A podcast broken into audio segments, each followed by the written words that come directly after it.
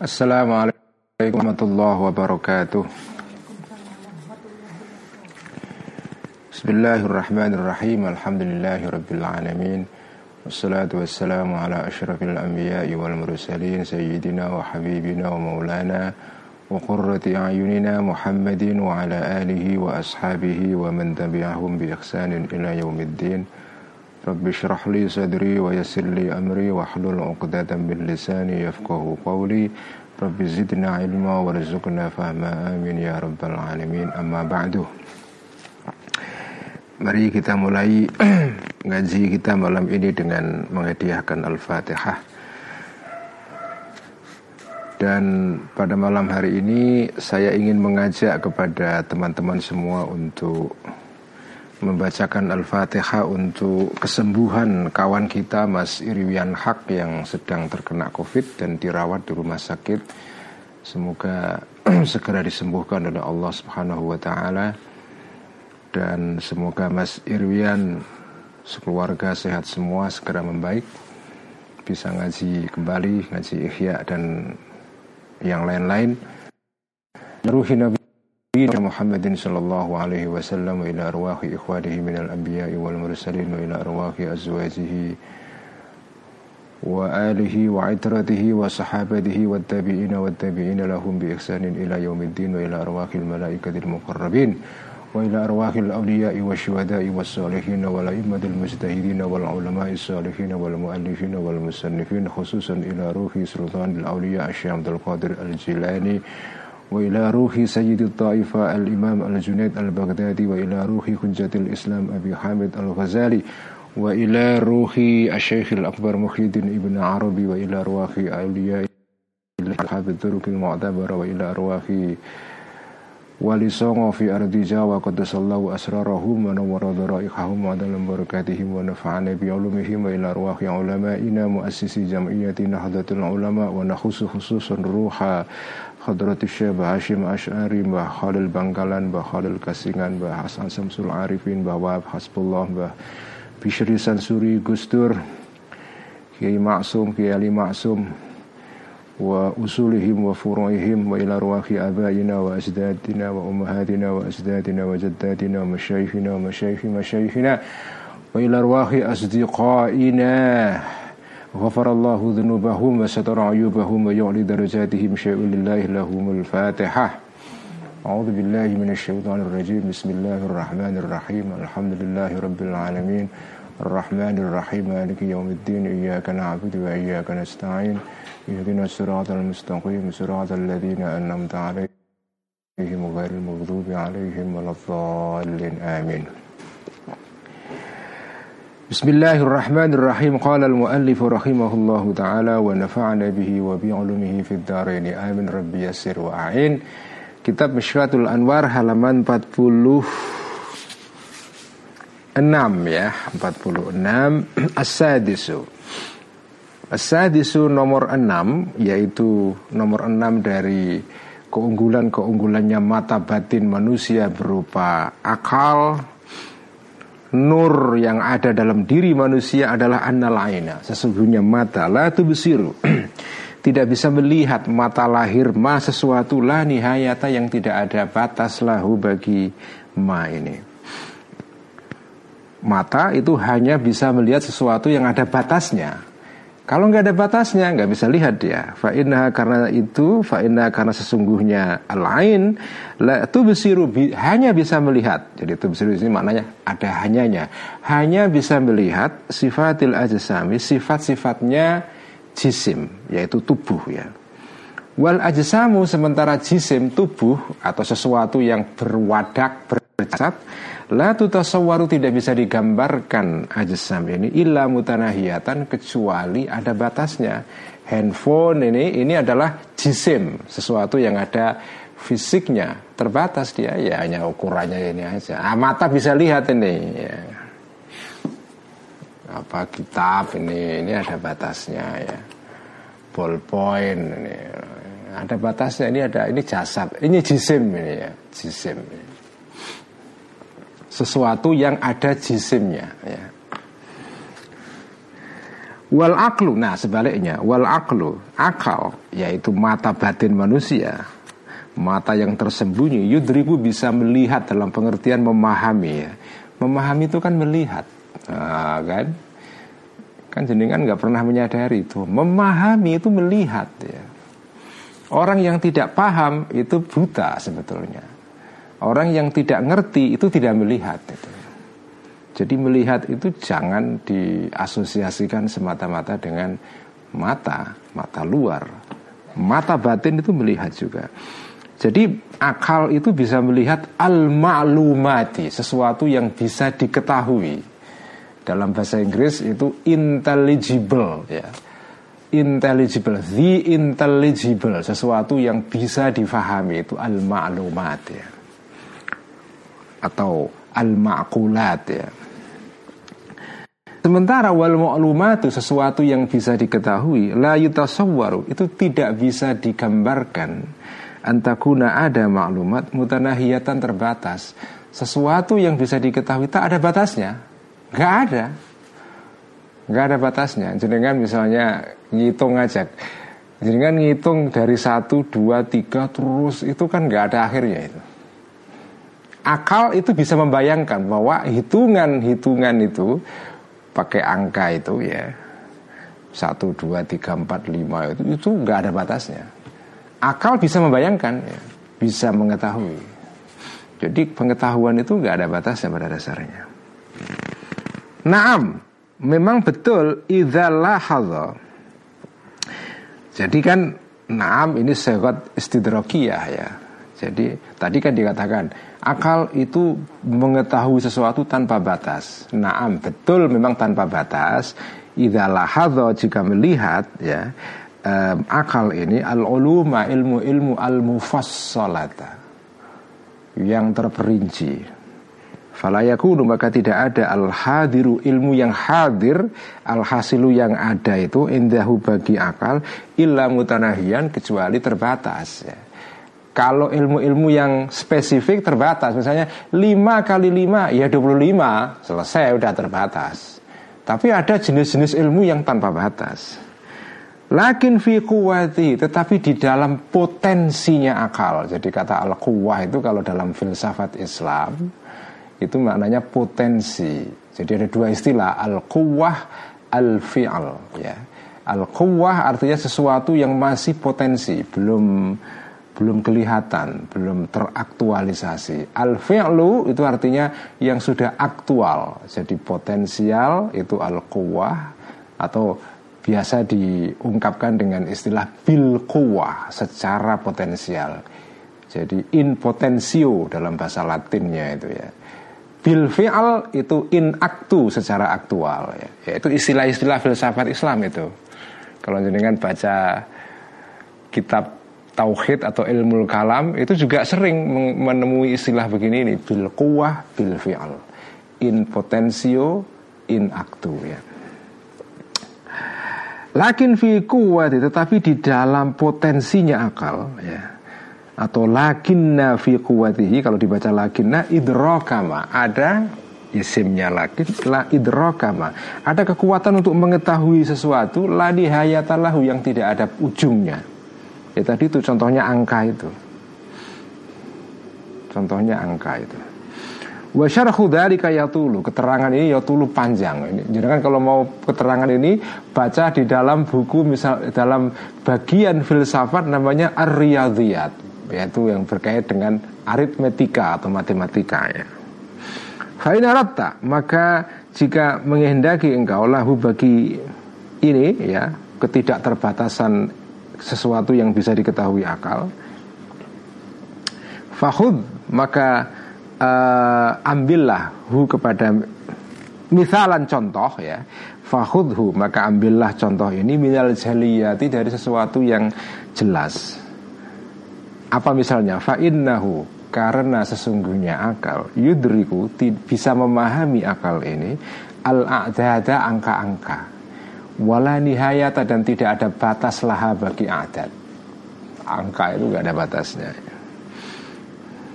Bal yudriku uh, bahkan akal ini bisa melihat memahami tadhifatil isna ini kelipatannya dua ya. dua kali dua kali dua kali dua kali dua kali dua terus nggak ada batasnya itu ya wasalatati dan kelipatannya tiga. Wasairil a'dadi dan semua angka-angka yang lain. Kalau jenengan kalikan dua kali dua kali dua kali dua kali dua nggak ada itu habisnya itu. Ya jadinya dari pangkat itu kan apa? Uh, power itu. Ya jenengan bisa membayangkan dua kali dua itu kalau dikalikan gak ada batasnya. Walai tasawwur dan tidak bisa digambarkan laha bagi ta'ifat ini nihayatun ada batasnya.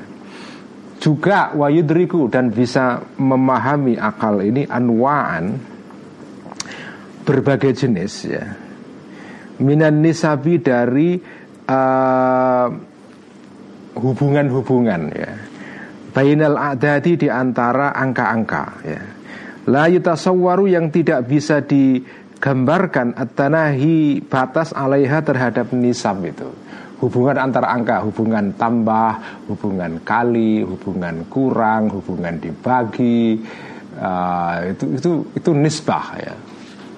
Itu nggak ada batasnya ya. Bal yudriku bahkan ini yang ajaib. Ini yang ajaib ini. Bal yudriku balik atau sebaliknya bisa memahami akal ilmahu kepada pengetahuannya akal bisyai'i kepada sesuatu atau terhadap sesuatu jenengan itu tahu bahwa jenengan tahu ajaib kan Oke, jenengan tahu, oke, jenengan tahu kalau dua tambah dua empat ya. Itu tingkat pertama. Tingkat kedua, jenengan juga tahu kalau tahu dua tambah dua sama dengan empat. Beda loh itu ya Antara jenengan tahu 2 tambah 2 sama dengan 4 Objeknya tahu di per, yang pertama ini adalah 2 tambah 2, 4 Terus setelah itu jenengan juga tahu bahwa jenengan tahu.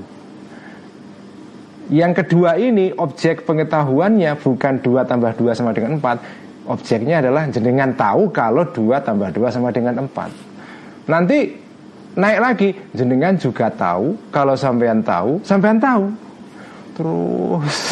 Gak ada gak ada akhirnya itu ya. Jadi yudriku ilmahu bisyai juga wa ilmahu dan mengetahuinya akal ilmahu bi ilmihi terhadap pengetahuannya akal bisyai kepada sesuatu. Jadi tahu bahwa engkau tahu engkau tahu. Tambah lagi jenengan tahu kalau jenengan tahu jenengan tahu jenengan tahu. Nah, kan jadi dinaikin terus itu. Artinya apa?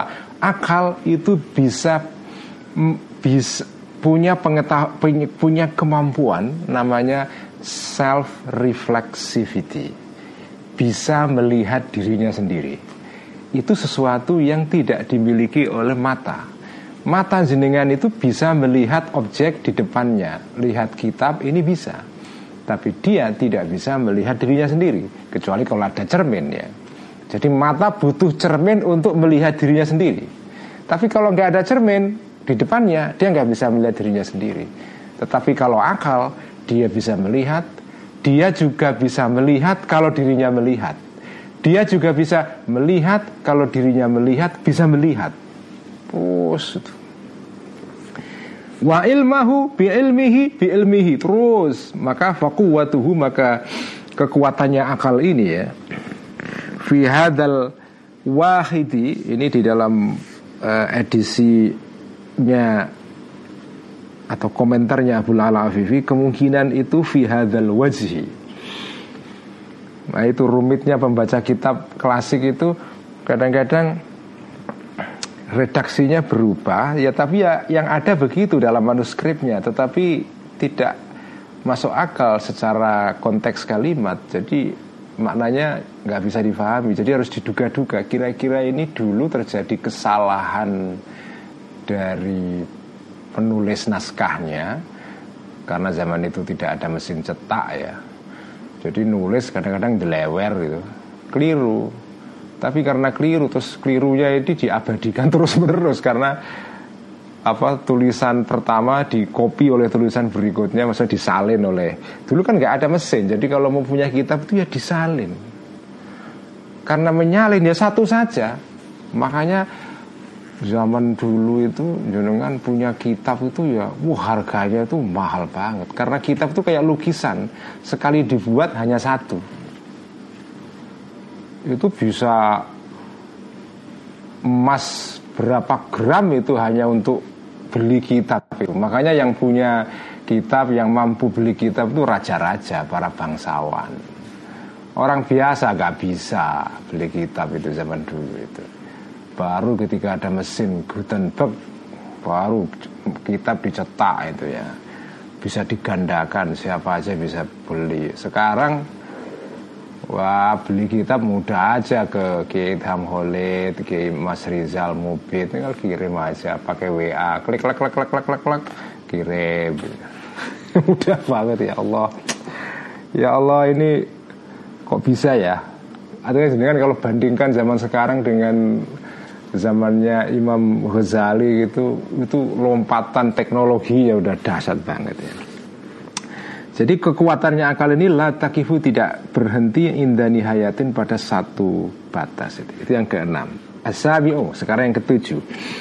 Anal aina, sesungguhnya mata luar ini itu besiru bisa melihat al-kabiro yang besar sohiran kecil.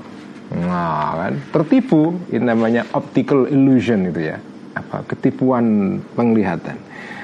Fataro maka melihat mata luar ini asyamsa dari fi miqdari mijanin di dalam ukurannya mijan itu semacam apa? Tameng untuk perang itu loh. Apa? Tameng tameng. Apa? Shield itu ya. Cuman lihat matahari itu ya kayak sebesar tameng untuk orang perang itu. Wal kawakib dan bintang-bintang visuari dananiro di dalam gambarnya dinar-dinar. Hanya kayak koin aja. Bintang-bintang itu koin itu. Padahal bintang itu, oke, okay, kalau jenengan baca dalam astronomi itu bintang itu saking jauhnya, itu kadang-kadang dia itu itu semacam kayak bisa merupakan sistem matahari, jadi matahari dengan sejumlah planetnya. Bisa juga dia itu merupakan galaksi. Yang di dalam galaksi itu ada jutaan bahkan miliaran matahari. Ketika karena saking jauhnya di mata kita itu seperti hanya sekeping koin itu. Itulah mata. Sesuatu yang gede banget saking jauhnya di mata kita tampak kecil, padahal tidak kecil uh, visuari dananiro di dalam gambarnya dinar-dinar manthuratin yang tersebar ala bisatin azraqa di dalam karpet warna biru. Ini karpet khas Persia karena Imam Ghazali ini kan orang Persia. Tradisi bikin karpet itu sejak zaman Imam Ghazali bahkan sejak sebelumnya ya. Makanya sekarang dikenal karpet Persia itu kan mahal kan. nah itu namanya bisatun azraq ya. Karpet Persia warna biru. Itu khas itu wal aklub akal yudriku bisa mengetahui juga akal ini anal kawakib sesungguhnya bintang-bintang. Jadi akal bukan mata ya akal tahu anal kawakib sesungguhnya bintang-bintang wasyamsa dan matahari itu jelas akbaru lebih besar minal ardi daripada bumi. Ada afan mudha'afatan tikal matikal berlipat-lipat ya. Itu contohnya tipuan penglihatan ya. Walainu dan atau walaina atau walainu dan mata taro. Hanya bisa melihat ya. Al kawakiba bintang-bintang itu ya. Al kawakib ya. Sakinatan berhenti. Kelihatannya berhenti menurut mata. Baltaro bahkan melihat mata ini azilla apa bayang-bayang baina yadaihi di antara atau di depannya apa itu eh, depannya mata mata lahir ya sakinan berhenti. Namanya bayang-bayang matahari itu kan kelihatannya berhenti ya. Bayang-bayang sesuatu yang terkena matahari itu kan kelihatannya diam. Watara dan melihat mata ini asobia anak kecil sakinan eh, berhenti statik ya berhenti fimik dari di dalam ukurannya sobi jangan kalau lihat anak kecil itu itu dengan pantengi setiap hari itu kan kayaknya nggak tumbuh kan diam kayaknya. Padahal anak-anak itu ya tumbuh tiap hari cuma saking saking tumbuhnya itu pelan sekali. Jadi mata tidak bisa mendeteksi pertumbuhan anak dari inci per inci setiap hari itu tidak tidak tahu dia. Yang bisa mengetahui kalau anak itu berkembang tiap hari itu akal yang bisa melihat kalau mata, kesannya anak-anak itu kan kalau punya anak tiap pagi bangun pagi gitu, jenengan pelototi itu ya ya kayak kok nggak berkembang ya kayak kemarin sore. Baru kalau jenengan nggak ketemu seseorang setelah sekian tahun baru kaget loh, kok gede banget dia sudah besar itu ya.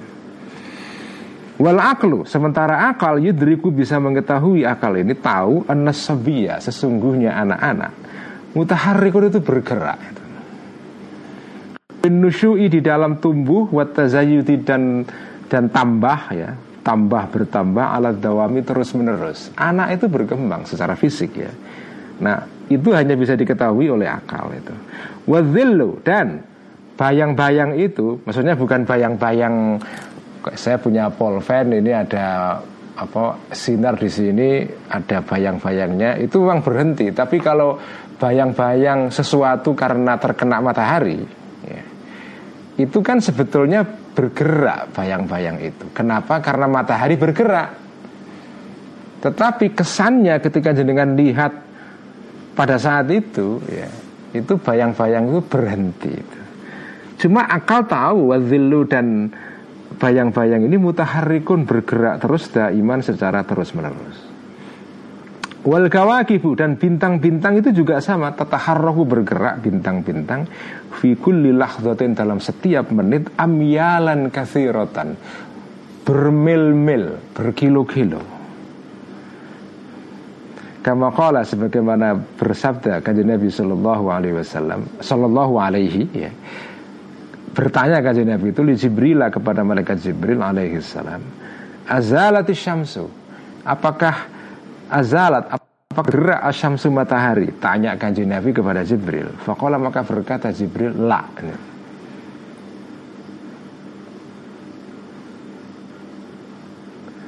Fakola la. Uh,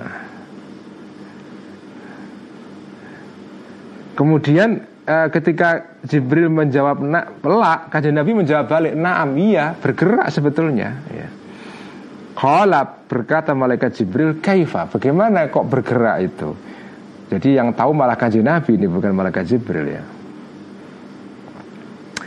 Jadi uh, Kama kola kanji Nabi berkata kepada Jibril uh, Naam. Jadi makulnya kata, kata, kata, kata kamakola Itu adalah naam ini ya.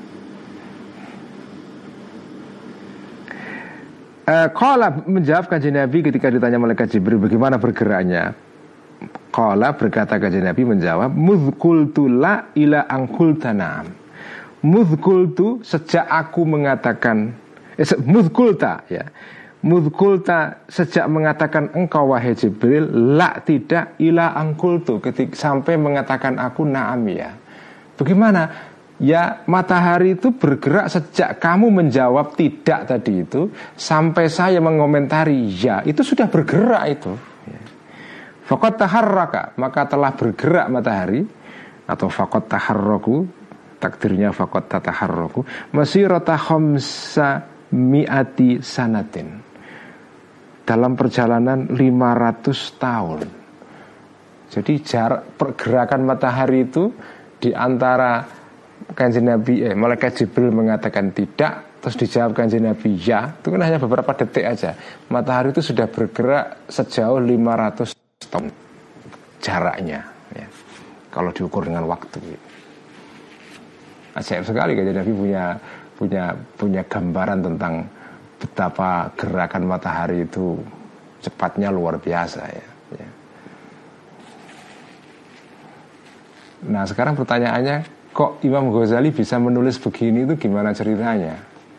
Ini kan kayak yang ditulis Al Ghazali ini, ini kan kayak sebetulnya kayak fisika ini atau fisika yang terkait dengan fisika astronomi, astrofisik ya. Ya karena Al-Ghazali membaca kitab filsafat Seperti saya ceritakan kemarin Beliau itu membaca kitab-kitabnya Ibnu Sina lengkap selama tiga tahun Dipelajari secara otodidak Terutama kitabnya Ibnu Sina Ashifa Nah kitab Ashifa itu salah satu babnya di sana ya Itu ada bab khusus jilid tentang at Kitab mengenai fisika. Nah di sana ada keterangan itu soal ya soal fenomena-fenomena alam ini. Dan Imam baca itu semua. Makanya beliau bisa menulis begini ini itu karena beliau bacaannya banyak ya. Tapi kalau Kiai Klutuk bacaannya kitab satu saja misalnya satu jenis tok ya. Ya nggak bisa nulis seperti ini. Ini ini bayangannya orang nulis begini ini adalah orang yang perpustakaannya banyak bukunya. Dan baca tidak hanya punya buku tok kan. Sekarang banyak orang punya buku tapi nggak dibaca. Jadi Imam Ghazali ini bacaannya bermacam-macam termasuk dalam bidang filsafat sehingga beliau nulis seperti ini. Ini karena literatur beliau itu banyak sekali. Kalau kiai atau ulama yang bacaannya tidak sebanyak Al Ghazali nggak bisa nulis seperti ini. Baca dan paham. Ah, baca dan paham dan bisa apa ya mencerna, diolah dan diungkapkan kembali itu ya. Wa anwa'u ghalatil basari dan jenis-jenis kesalahan atau kekeliruannya mata lahir itu kathirotun banyak sekali. Nggak bisa dihitung di sini lah ya. Sementara wal aklu akal mata batin munazzahun itu terbebas dibersihkan anha dari uh, anwa'u ghalat tadi. Faingkulta maka jika hanya engkau untuk menyanggah keterangan saya ini kalau kamu menyanggah bisa mengatakan naro al uqala'a yaghlituna fi nazarihim Imam Ghazali katanya akal itu terbebas dari kesalahan-kesalahan. Lah nyatanya kan enggak. Naro melihat kami al uqala'a orang-orang yang punya akal Yahlituna juga salah juga sama dengan mata lahir juga salah itu. Finadorihim di dalam nazornya, di dalam penalaran al Nah kalau kamu bertanya begitu maka jawabannya ini jawaban Al-Ghazali fa'lam maka ketahuilah engkau Anna fihim sesungguhnya pada orang-orang ukola ini khoyalatin ada ada khayal-khayal ada gambaran-gambarannya ada sesuatu yang belum terverifikasi khoyalat ya. Dugaan-dugaan. Wauhaman dan waham-waham juga sama sangkaan-sangkaan yang belum dibuktikan ya. Wa'tiqadatin dan kepercayaan-kepercayaan biasa itu orang-orang yang punya akal itu biasanya punya prekonsepsi punya prasangka punya sangkaan-sangkaan, punya pandangan tertentu yang tidak punya dasar sama sekali karena dapat informasi hoax atau macam-macam lah ya. Ya zununa yang mengira para ukola ini ahkamaha hukum-hukumnya atau uh, keputusan-keputusannya uh, apa itu khayalat ahkamal akli sebagai keputusan-keputusannya akal sebagai um, apa ya sebagai uh, pengetahuan akal itu. Orang-orang ini mengira yang disebut dengan apa ya um, yang disebut dengan ilmu yang betul-betul berbasis akal itu itu ya disamakan dengan misalnya salah paham, miskonsepsi, misinformasi, dugaan-dugaan itu dikira itu adalah ilmu. Padahal enggak. Jadi ada sebagi jadi kesalahan orang yang punya akal adalah bukan karena akalnya itu keliru, tapi dia mengira sesuatu yang sebetulnya dasarnya bukan akal, tapi dasarnya khoyalat, auham, prasangka-prasangka, prejudis, sangkaan sangkaan-sangkaan yang tidak punya dasar sama itu dikira informasi yang valid, informasi akal yang valid, padahal tidak itu. Falghalatu maka yang disebut dengan kesalahan itu mansubun itu dinisbahkan ilaiha kepada khoyalat, auham, itiqadat, bukan kepada ahkamul laqo. Waqat syarahna dan telah menjelaskan aku Al-Ghazali majami'aha kesemuanya ini fi kitabi mi'yaril ilmi wa kitabi mihaqqin nazar dalam dua kitab ini. Ini kitab mengenai mantik ya, mengenai logika itu. Mi'yarul Ilm wa Mihakkun Nazar itu dua kitab Al-Ghazali yang terkait dengan mantik atau ilmu logika. Fa'amal aklu, adapun akal idza tajarrada, ketika terbebas akal an wahmi. Dari dari apa selubung atau tutup ya, selubung berupa waham. Wal khayali dan khayal. Lam yutasawwar. Tidak bisa digambarkan akal ini. Aniyaglita untuk salah. Nggak akan mungkin salah kalau terbebas dari ini tadi ghosyawah selubung-selubung berupa kalau di dalam bahasa logika itu mungkin falasi. Sesat pikir ya. Falasi mughalatot ya. Kalau dia terbebas dari itu semua sebetulnya akal itu nggak akan terjebak dalam kekeliruan. Balroa bahkan sebaliknya bisa melihat akal ini al asya segala sesuatu alama berdasarkan informasi atau keadaan hia asya alaihi pada sesuai dengan sesuai dengan realitasnya sesuai dengan keadaannya nggak akan tertipu itu. Itu kalau akal terbebas dari ghosyawah atau ghisyawah ya. Dari selubung-selubung yang membuat akal itu tidak bisa melihat ya. Selubung-selubungnya.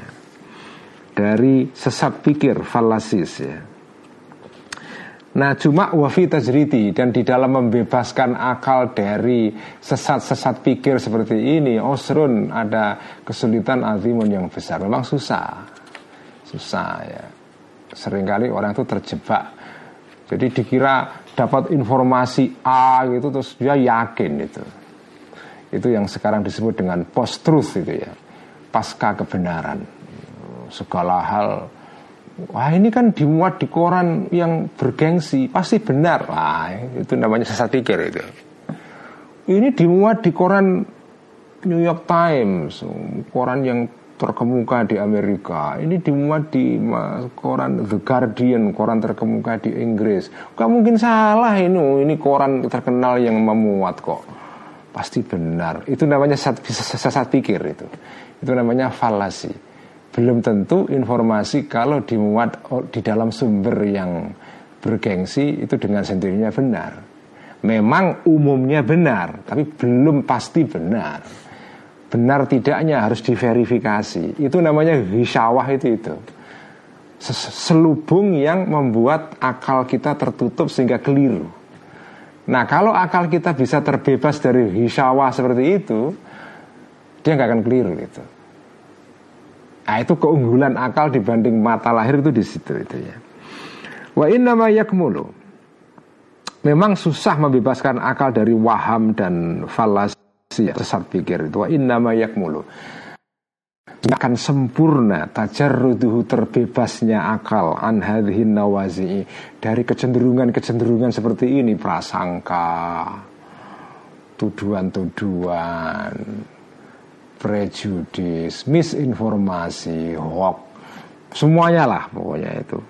Manusia itu terbebas dari itu semua bakdal mauti setelah mati. Kalau sudah mati, ya bebas kita itu.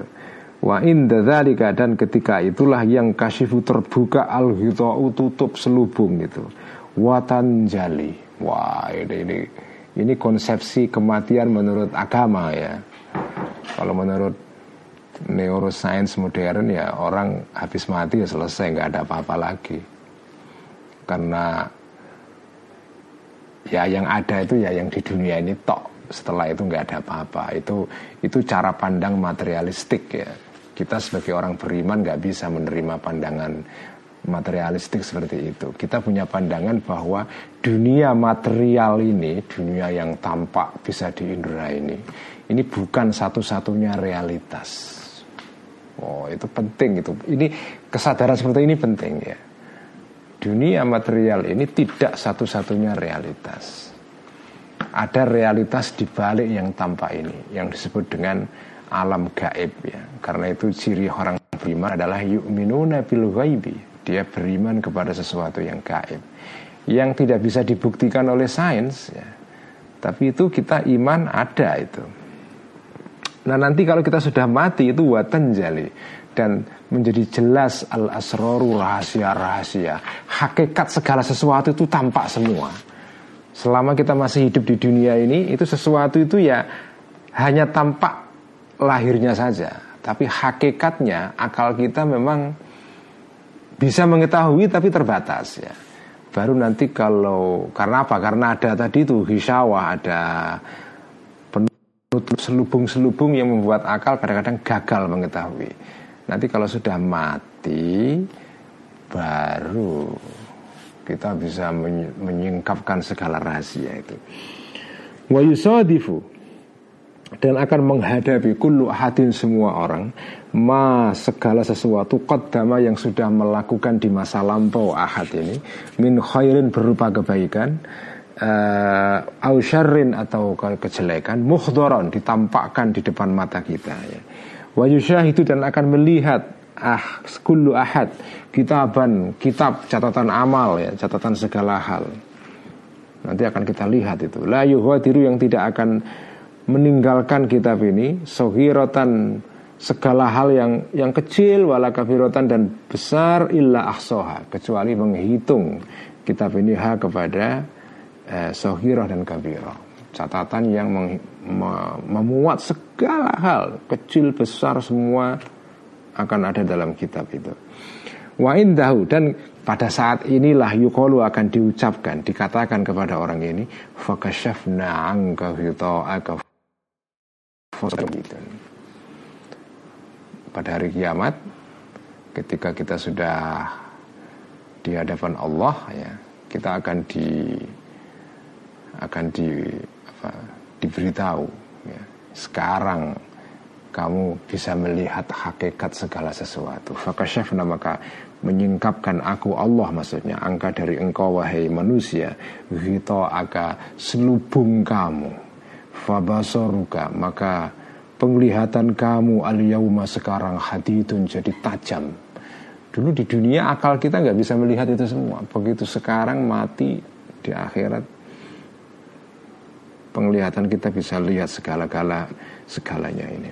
Wa innamal ghidau adapun sesungguhnya selubung itu adalah ghitaul khayali selubung berupa khayal berupa bayangan wal mahmi dan sangkaan wa ghairihima dan selain dan yang selain khayal maupun waham. Wa indahu dan pada saat inilah ketika orang melihat kenyataan ini yaqulu akan berkata al maghrur orang yang tertipu bi auhamihi dengan sangkaan-sangkaannya maghrur wa i'tiqadatihi dan keyakinan-keyakinannya maghrur al fasidati yang tanpa dasar yang keropos ya yang rusak wahayalatihi dan khayal-khayalnya bayangan-bayangannya. Maksudnya bayangan itu prasangka ya prejudices ya prasangka-prasangkanya al-maghrur al-batilati yang keliru. Dia akan berkata nanti dengan semua nanti kalau sudah di hadapan Allah itu ditunjukkan hakikat segala sesuatu baru nge oh begitu ya. Nah saat itu orang akan berkata begini Rabbana absarna wa sami'na farji'na na'mal salihan. Ya. Ini dalam surat As-Sajdah kalau tidak salah ya. Rabbana absarna, Rabbana wahai Tuhan kami, absarna sekarang bisa melihat kami, wa sami'na dan mendengar kami, farji'na maka kembalikan kami ke dunia supaya saya bisa mengulang kembali, rewind, uh, hidup kembali dan menebus kesalahan-kesalahan kami. Nakmal maka akan me berbuat kami solihan sesuatu yang baik. Allah ya, nggak bisa lagi, udah udah, karena hidup banyak sekali ya. Jadi teman-teman semua Fakot arafta wahai para santri Mishkatul Anwar Fakot arafta Ini yang jenengan baca ini Ini kata-kata Al-Ghazali loh ya Ya yang baca saya, tapi ini ini kalimatnya Al Ghazali.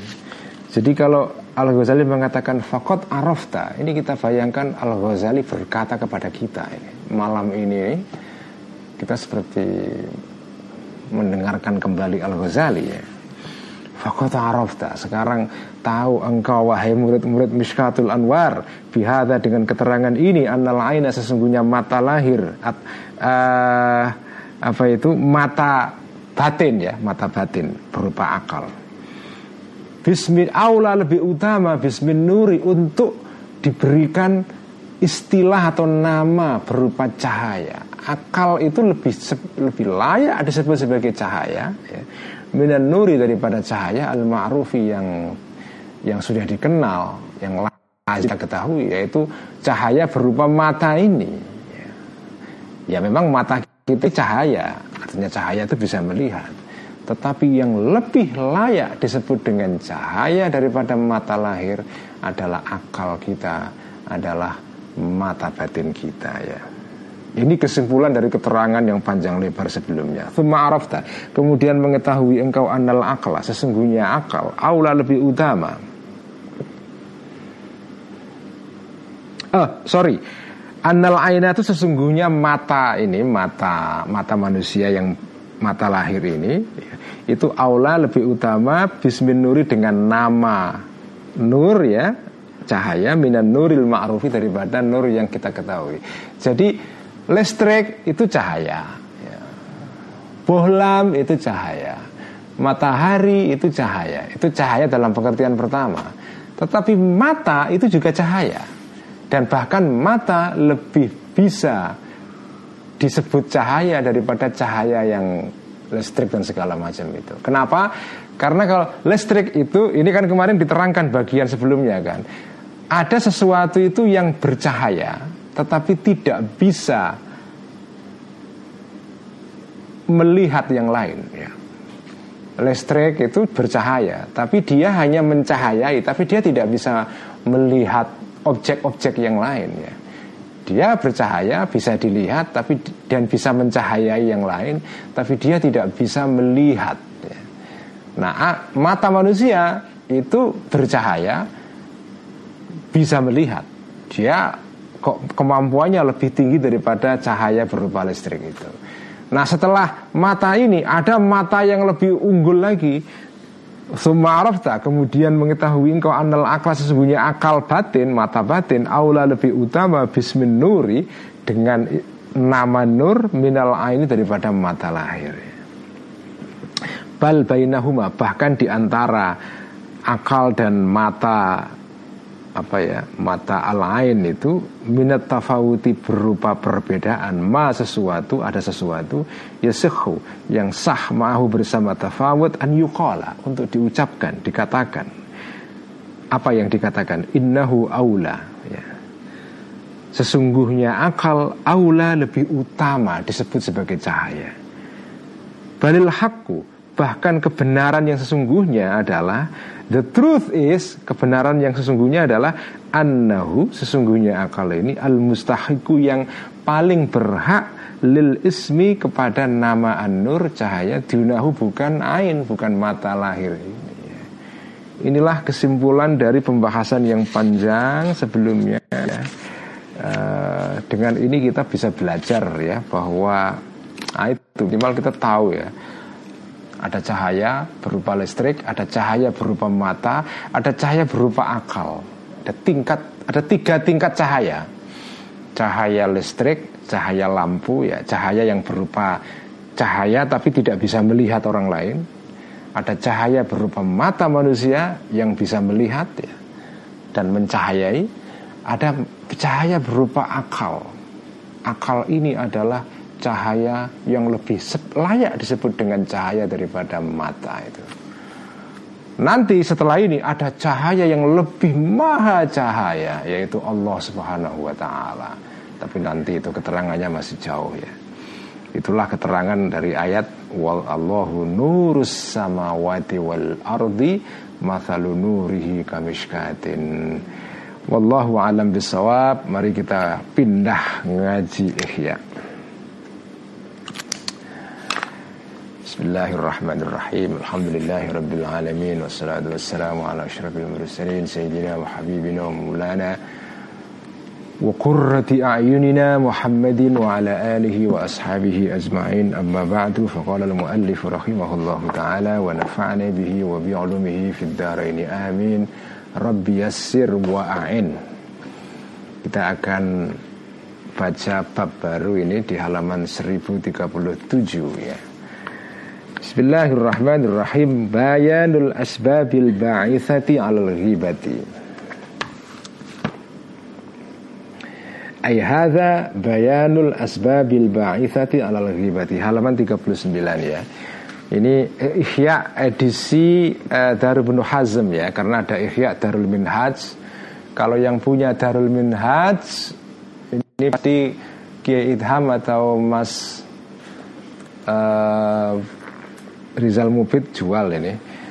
Uh, Ya itu edisinya banyak. Kalau edisi Minhaj itu juz kelima halaman 520 Juz 5 Tapi kalau Ihya edisi Indonesia yang 4 jilid Saya nggak tahu. Itu yang punya Mas Fauzi itu. Nah silakan Mas Fauzi Fauzi Agus ceritakan kalau yang edisi yang edisi yang populer di Indonesia itu empat jilid ya. Itu di jilid ketiga tapi halaman berapa saya nggak tahu ya. Nah ini bayanul asbabil ba'ithati alal ghibati ini ini pembahasan ghibah ini ya Allah ketampar-tampar. Ini kemarin banyak santri-santri kayak yang nulis. Ketampar semua mas uh, Fakhrul Rozi dari Nurholis Majid Society ada uh, banyak ini yang nulis ini ya. ya saya juga merasa ketampar. Tapi bagus kan ditampar karena yang nampar ini orang besar loh Imam Ghazali. Ya nggak apa-apa lah ya. Kalau yang nampar preman ya kita marah Ini kita ditampar ulama besar namanya Imam Ghazali. Bangga kita. Bangga kita karena yang yang jenengan ditampar kiai yang terhormat itu kan sebetulnya kasih sayang itu. Kita ditampar kiai itu kalau kalau zaman dulu di pondok ya sekarang sudah jarang kiai nampar santri itu zaman dulu zaman saya itu sering itu kiai nampar santrinya itu tapi kalau kiai nampar santrinya itu itu itu unsur unsurnya itu adalah kasih sayang itu, bukan kekerasan ya. Ya sekarang itu sudah nggak sudah nggak zaman karena ada istilah kekerasan fisik itu nggak boleh ya. Nggak boleh itu. Ya ini kita nggak masalah ditampar Imam Ghazali ini. Toh ini tamparannya tamparan metaforis kan. Bukan tamparan fisik ini Bayanul asbabi. Inilah keterangan tentang sebab-sebab al-ba'ithati yang mendorong alal ghibati kepada ghibah. Kenapa orang itu kok suka ghibah? Wah ini semacam Di sini nanti kita akan baca semacam psikologi. Imam Ghazali itu nganalisa kejiwaan orang lagi-lagi takjub banget saya itu. Kok bisa Imam Ghazali nulis begini ini? Gimana ceritanya itu ya? Kayak kayak beliau itu psikolog sebetulnya. Nantilah kita baca nanti. Ilam ketahuilah. Annal bawah itu sesungguhnya dorongan-dorongan. Sesuatu yang dorong alal ghibati kepada ghibah Kathiratun banyak. Walakin yajma'wa Tetapi mengumpulkan ha kepada al bawa'ith ahada asyara Sebelas sababan sebab. Ada sebab sebelas kenapa orang kerasan-rasan itu ya Thamaniatun sebab yang delapan minha dari dari bawaid atau dari sebelas ya Tator itu itu umum terjadi fi hakil amati di dalam uh, haknya atau dalam konteks orang biasa. Kalau orang biasa hibah itu karena delapan alasan.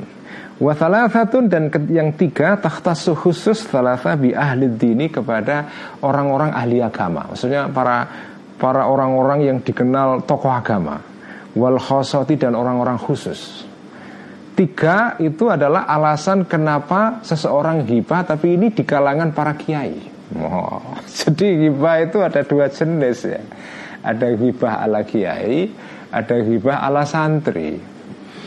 Nah, kalau hibah ala santri itu alasannya delapan, dorongan itu delapan itu. Apa itu? Fal amma itu adapun yang delapan ini fal awalum maka yang pertama Nah ini ini ini semacam analisa kejiwaan ini. Pertama, kenapa orang ngerasan-rasan an untuk memuaskan ya, untuk memuaskan seseorang yang hibah al kepada kemarahannya.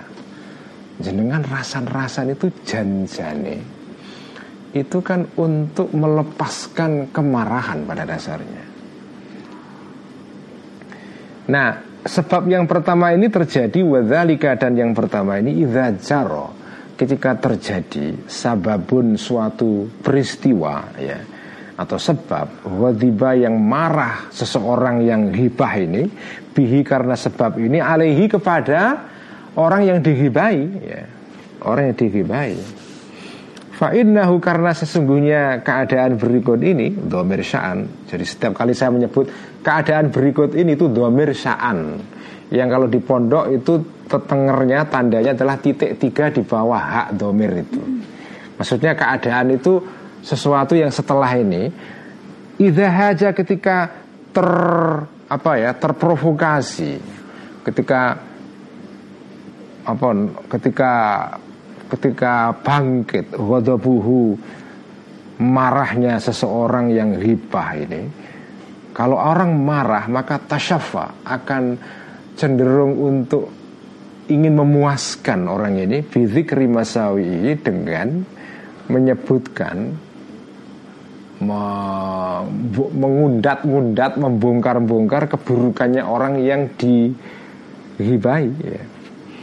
Fayas biku maka akan otomatis menjadi mudah, menjadi apa ya uh, cepat ya alisanu mulut manusia ilahi kepada uh, zikri masawi ini. Bitom ini secara naluri.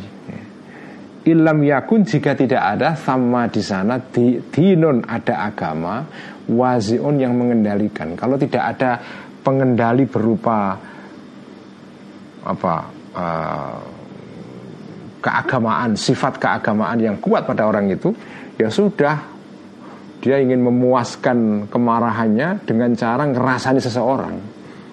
Orang dengan marah pada seseorang, ya udah. Salah satu cara kita untuk dendam adalah ya ribah kepada orang itu. Nah ini sering lah kita alami ini kan. Wah saya kemarin habis dibully sama si itu. Wah macam-macam lah ya. Wakat yamtani'u. Dan nah ini di sini analisa kejiwaannya itu. Wakat yamtani'u. Dan kadang-kadang eh, terkendalikan atau ya terkendalikan. Tasyafil ghaidhi memuaskan indal ghadabi ketika apa itu marah ya. Jadi kadang-kadang ingin marah tapi tidak bisa mengeluarkan. Maksudnya marah sekali marah e, secara langsung di depan orang yang jenengan kepingin marahi itu. Tapi nggak berani tidak berani tasyafil ghaib tidak bisa tidak berani untuk membalaskan kemarahannya langsung kepada orang bersangkutan. Apalagi orang Jawa itu kan ewohan itu kan. Makanya makanya orang Jawa itu belangkonnya itu kan ada apa pentolnya di belakang ini. Kalau benjolan, benjolan kalau kalau belangkon Sunda itu nggak ada benjolan begini itu. Nah kalau Jawa itu ada benjolan begini ini. Kenapa? Karena filosofinya adalah kita bisa ngempet itu, bisa menahan diri, ya. menahan diri. Nah kalau bisa menahan diri terus bagus. Tapi ini ada orang yang menahan diri karena marah tidak bisa mengempet kemarahan, nggak bisa mengeluarkan. Nanti keluarnya di balik punggung. Apa hibah itu? Ah, ini ini ini Om Ghazali ini luar biasa ini. Ini, ini analisa psikologi ini. Orang itu ngerasa nih karena dia marah marah kepada seseorang, nggak berani kelabrak langsung karena ewoh karena apa macam-macam lah faktornya terus ya udah uh, exitnya atau solusinya adalah ya udah dia ngerasani di balik punggung itu Jadi ngerasani itu karena balas dendam pada dasarnya. Ngempet marah keluarnya tersublimasi dalam bentuk ngerasani. Fayah takidu maka akan terkendalikan akan apa ya terkendalikan atau tersumbat al ghadabu kemarahan fil ini di dalam jiwa dalam diri manusia dalam diri seseorang fayasiru maka jadilah karena diempat uh, al ghadab ini hikdan rasa apa ya uh, rasa benci atau khas apa itu iri ya fabitan yang bertahan terus menerus Fayakunu maka adalah hikdun ini sababan sebab iman yang terus menerus Lidhikril masawi untuk menyebut keburukan-keburukan orang lain Karena itu fal hikdu maka iri Maksudnya iri itu dengki dan Ya Allah sikap marah kepada orang lain itu wal ghadabu dan marah adalah minal bawa'ithi minal bawa'ithi termasuk hal-hal yang mendorong al azimati yang besar alal ghibati kepada ghibah. Ini yang pertama. Ini ghibah orang awam ini ya. Athani. Nah ini yang kedua ini ini Kiai Akram dan yang lain-lain pasti akan ketawa baca ini ini. Athani yang kedua, Kiai apa Ajengan Aki ini pasti ketawa ini. Ada nggak Pak Demung ini ya? ini pasti ketawa baca ini. Athani ini faktor kedua ini adalah orang buat orang-orang yang suka ngariung suka nongkrong ini. Athari yang kedua, muwafaqatul akroni adalah untuk menyetujui, mengkonfirmasi teman-teman supaya jenengan ini ngobrol dan diterima oleh teman-teman ya, nggak diisolasi. Jadi kalau lagi hibah teman-teman sama nimbrung aja melok itu, asik kan? Wa mujamalatur rufaqai dan berbaik-baik kepada teman-teman. Karena kalau ada orang hibah terus dipotong marah kan daripada marah udahlah ikut aja sekalian. Wa musa'adatuhum dan membantu ar alal kalami untuk bicara supaya ngobrolnya asik. Karena hibah itu adalah gula untuk obrolan itu. Ya. Hibah itu gula untuk obrolan. Kalau nggak ada gula itu obrolan nggak manis itu ya. Fa'innahum karena sesungguhnya ar-rufaqa idza kanu ketika ada mereka ini yatafakkahuna merasa nyaman, merasa asyik ya. Bi dzikril a'radi dengan menyebut-nyebut uh, kehormatan orang lain, maksudnya cacat-cacatnya orang lain, asyik itu. Fayar maka akan melihat seseorang ini yang yang ikut hibah ini annahu sesungguhnya seseorang lau angkara jika mengingkari jika memprotes ya, orang ini alaihim kepada rufaka au atau menginterupsi seseorang al majlisa kepada majlis ngariung ini ya. Istafqalu maka akan menganggap berat para rufaka teman-temannya ini hu kepada orang ini. Ini oh, orang ini mau kita lagi asik kerasan-kerasan kok dipotong. Jadi orang-orang akan merasa kita ini mengganggu itu wa nafaru dan akan lari para rufako anhu dari orang ini. Jadi kan terpencil nanti, terisolasi. Fayusa itu hum. Ini yang disebut di dalam ilmu psikologi sebagai peer pressure ya. Peer pressure. Tekanan orang-orang yang sepantaran dengan kita. Ini problem di dalam psikologi perkembangan manusia antara lain ini ya. Peer pressure. Jadi dengan itu melakukan kadang-kadang itu bukan karena dorongan yang genuine yang sesungguh-sungguh dari diri kita. Karena kepingin supaya kayak yang lain-lain itu. Yang lain beli handphone model apa? Samsung S berapa? 12 kalau nggak punya S12 nanti dikira wah nggak nggak keren itu ya. yang lain-lain wah, suka nongkrong di mall ah, kalau nggak nongkrong di mall ah desa ini itu. Nah itu itu namanya peer pressure itu begitu tekanan dari sesama teman itu. Jadi kita melakukan sesuatu bukan karena kita kepingin, tapi karena supaya kita diterima oleh teman kita. Ini kan keren banget Al Ghazali kok bisa kok kepikiran gitu loh, ya. Kok kepikiran itu loh ya. Saya untuk hal ini saya betul-betul kaget ini. Al Ghazali ini luar biasa ini.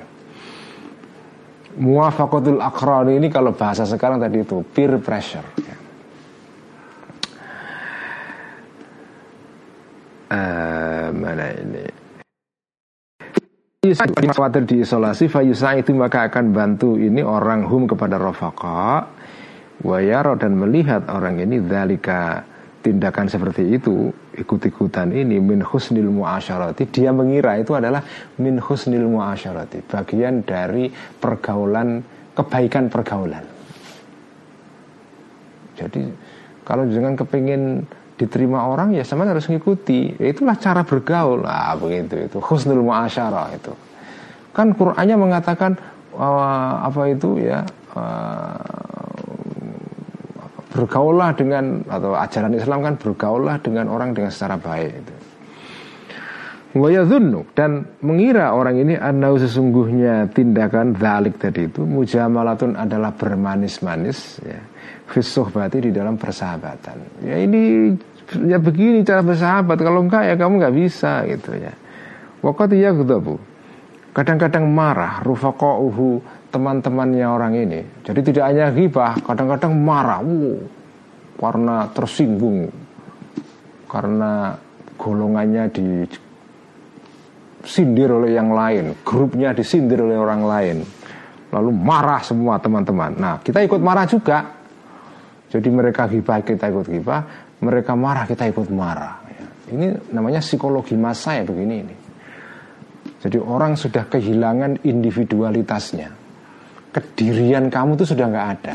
Kamu menjadi bagian dari masa itu. Mereka ngidul ngidul. Ngetan ngetan. Ya semua pakai pakaian ini ikut ya. lagi tren ini ikut tren. Itu namanya apa itu? Muwafaqatul akron. Ini bahasa ihya ini ya. Muwafaqatul akron ya Fayahtaju maka menjadi butuh orang ini ila an yaghdoba untuk ikut marah juga seorang ligodobim karena marahnya rufaqo. Kenapa? Izharon untuk menunjukkan lil musahamati untuk ikut serta. Bahasanya ini kok kok kekinian banget Al Ghazali ini ya. Lil musahamati untuk ikut serta fisarroi di dalam kegembiraan wadarai dan dalam kesedihan. Wah, kalau jenengan ingin bagi, menjadi bagian dari pertemanan ya harus ngikuti itu. Mereka gembira kita ikut. Mereka marah kita ikut marah. Itu. Klub sepak bola yang didukung kalah kita ikut bareng-bareng marah bareng-bareng rusak apa barang-barang milik publik dan seterusnya ya. Fayahudu maka akan ikut uh, terperosok atau terjun orang ini ikut terlibat orang ini mahum bersama rofako fi zikril uyubi di dalam menyebut-nyebut kejelekan orang lain wal masawi dan cacat-cacatnya orang lain. Ini adalah dorongan sebab kenapa orang itu hibah ya. Asal itu yang ketiga an. Nah, ini juga analisa kejiwaan juga ini. An merasa seseorang ini orang merasa min insanin dari seseorang yang lain Anahu sesungguhnya insan ini sayak situ akan mentarget, akan menuju insan ini hu kepada seseorang, wayutawilu dan akan memanjangkan insan ini lisanahu kepada lisannya insan, maksudnya ngerasa fihi di dalam seseorang. Jadi jenengan merasa si A ini kayaknya mau menyerang saya ini, kayaknya mau mau menghantam saya ini. Lihatlah gelagatnya ini saya bisa menduga ini. Dia mau menyerang saya ini. Au bihu atau ingin menjelek-jelekkan insan halahu kepada apa keadaan orang indah muhtasimin di depan orang yang muhtasim, orang yang apalah yang yang berwibawa, orang yang dianggap berwibawa ya, orang yang punya pengaruh itu muhtasim itu ini si ini, ini kayaknya mau menjelek-jelekkan saya di depan kiai itu. Wah. syaitu atau bersaksi insan ini alaihi kepada seseorang bisa datin dengan suatu kesaksian. Nah, jenengan ngerti karena gelagat orang mau menyerang sampean, mau jelek-jelekkan sampean, sampean melakukan tindakan preemptif. Tindakan serangan duluan itu fayubadiru ini ini keren banget ini jadi hibah tujuannya adalah untuk preemptive strike serangan apa pendahuluan apa serangan untuk untuk apa ya mendahului orang supaya kita nggak nggak nggak nggak ketinggalan start itu. Sebelum diserang serang duluan. Wah, ini namanya preemptive strike gitu ya. Fayubadiru maka cepat-cepat seseorang ini hu kepada insan qablaan yukabbiha sebelum insan tadi memburuk-burukkan huwa insan halahu kepada keadaannya seseorang ini. Wayat anu dan sebelum mencacat mencela insan fi di dalam seseorang. Tujuannya lius kita untuk menggugurkan menjatuhkan seseorang asaro syahadati pengaruh kesaksiannya insan. Jadi cara jenengan nyerang orang adalah sebelum dia nyerang dia jatuhkan jenengan sampai jatuhkan dulu orang itu sampean apa ya sampean jelek-jelekkan dulu supaya kalau dia bersaksi atau ngerasani kita dia sudah kalah set dia udah kalah set kalah start gitu. Au atau Nah, atau ini strategi lain, ayat tadi atau memulai seseorang bizikrima dengan menyebut sesuatu fihi yang di dalam insan sodikon eh, dalam keadaan hal hal ya sodikon dalam keadaan jujur. Jadi hanya adalah nyerangnya atau sampean menyebutkan menceritakan ngerasa nih sesuatu yang faktual benar ada pada pada orang itu ya. Orang yang kesampaian kepengen serang duluan itu. Cerita oh si anu ini ini ini. Memang benar begitu.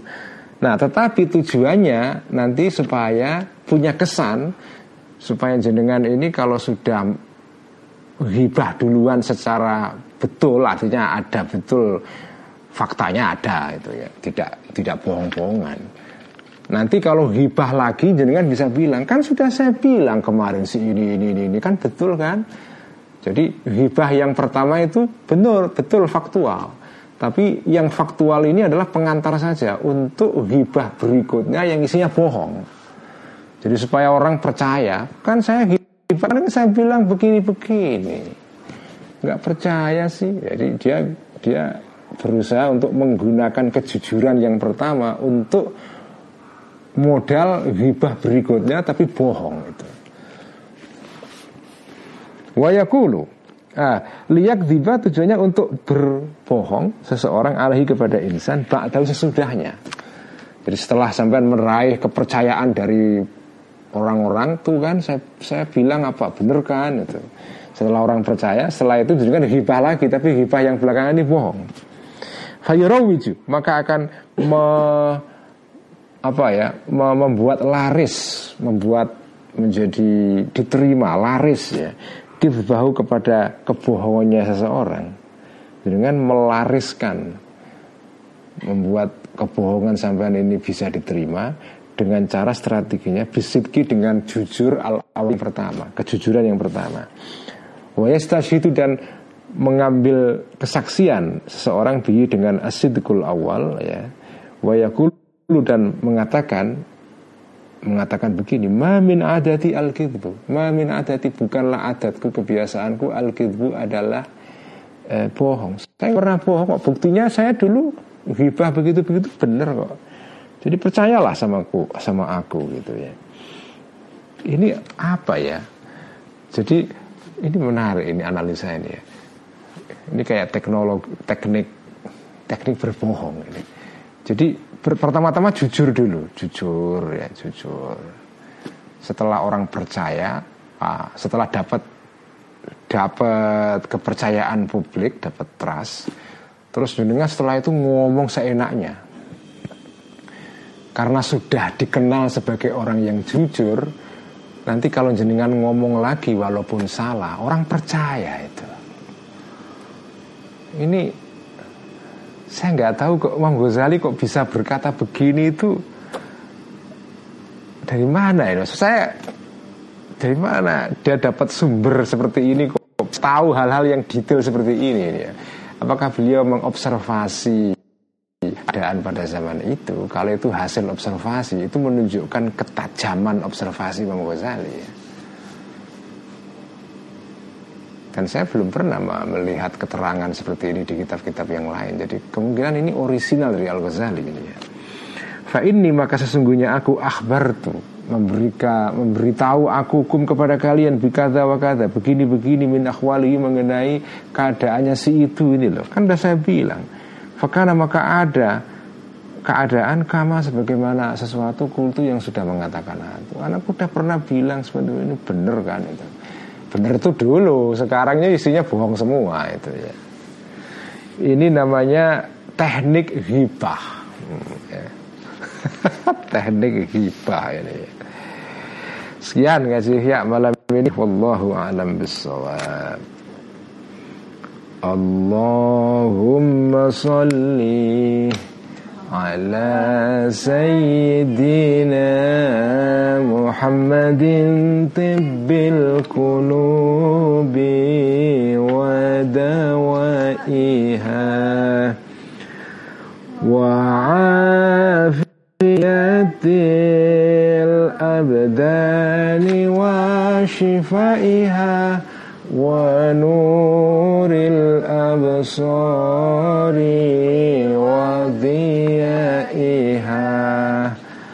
وعلى آله وصحبه وسلم. اللهم صل على سيدنا طب القلوب.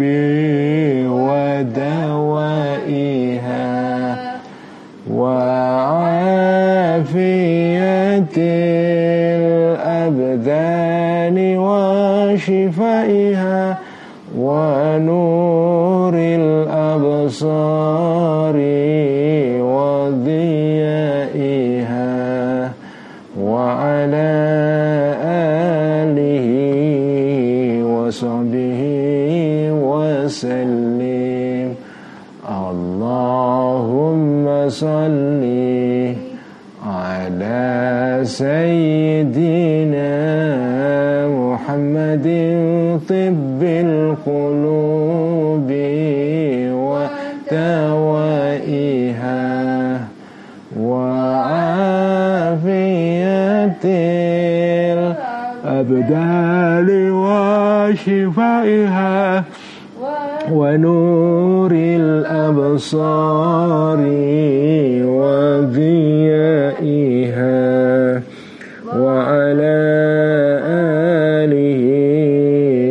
وصحبه وسلم. سكيان.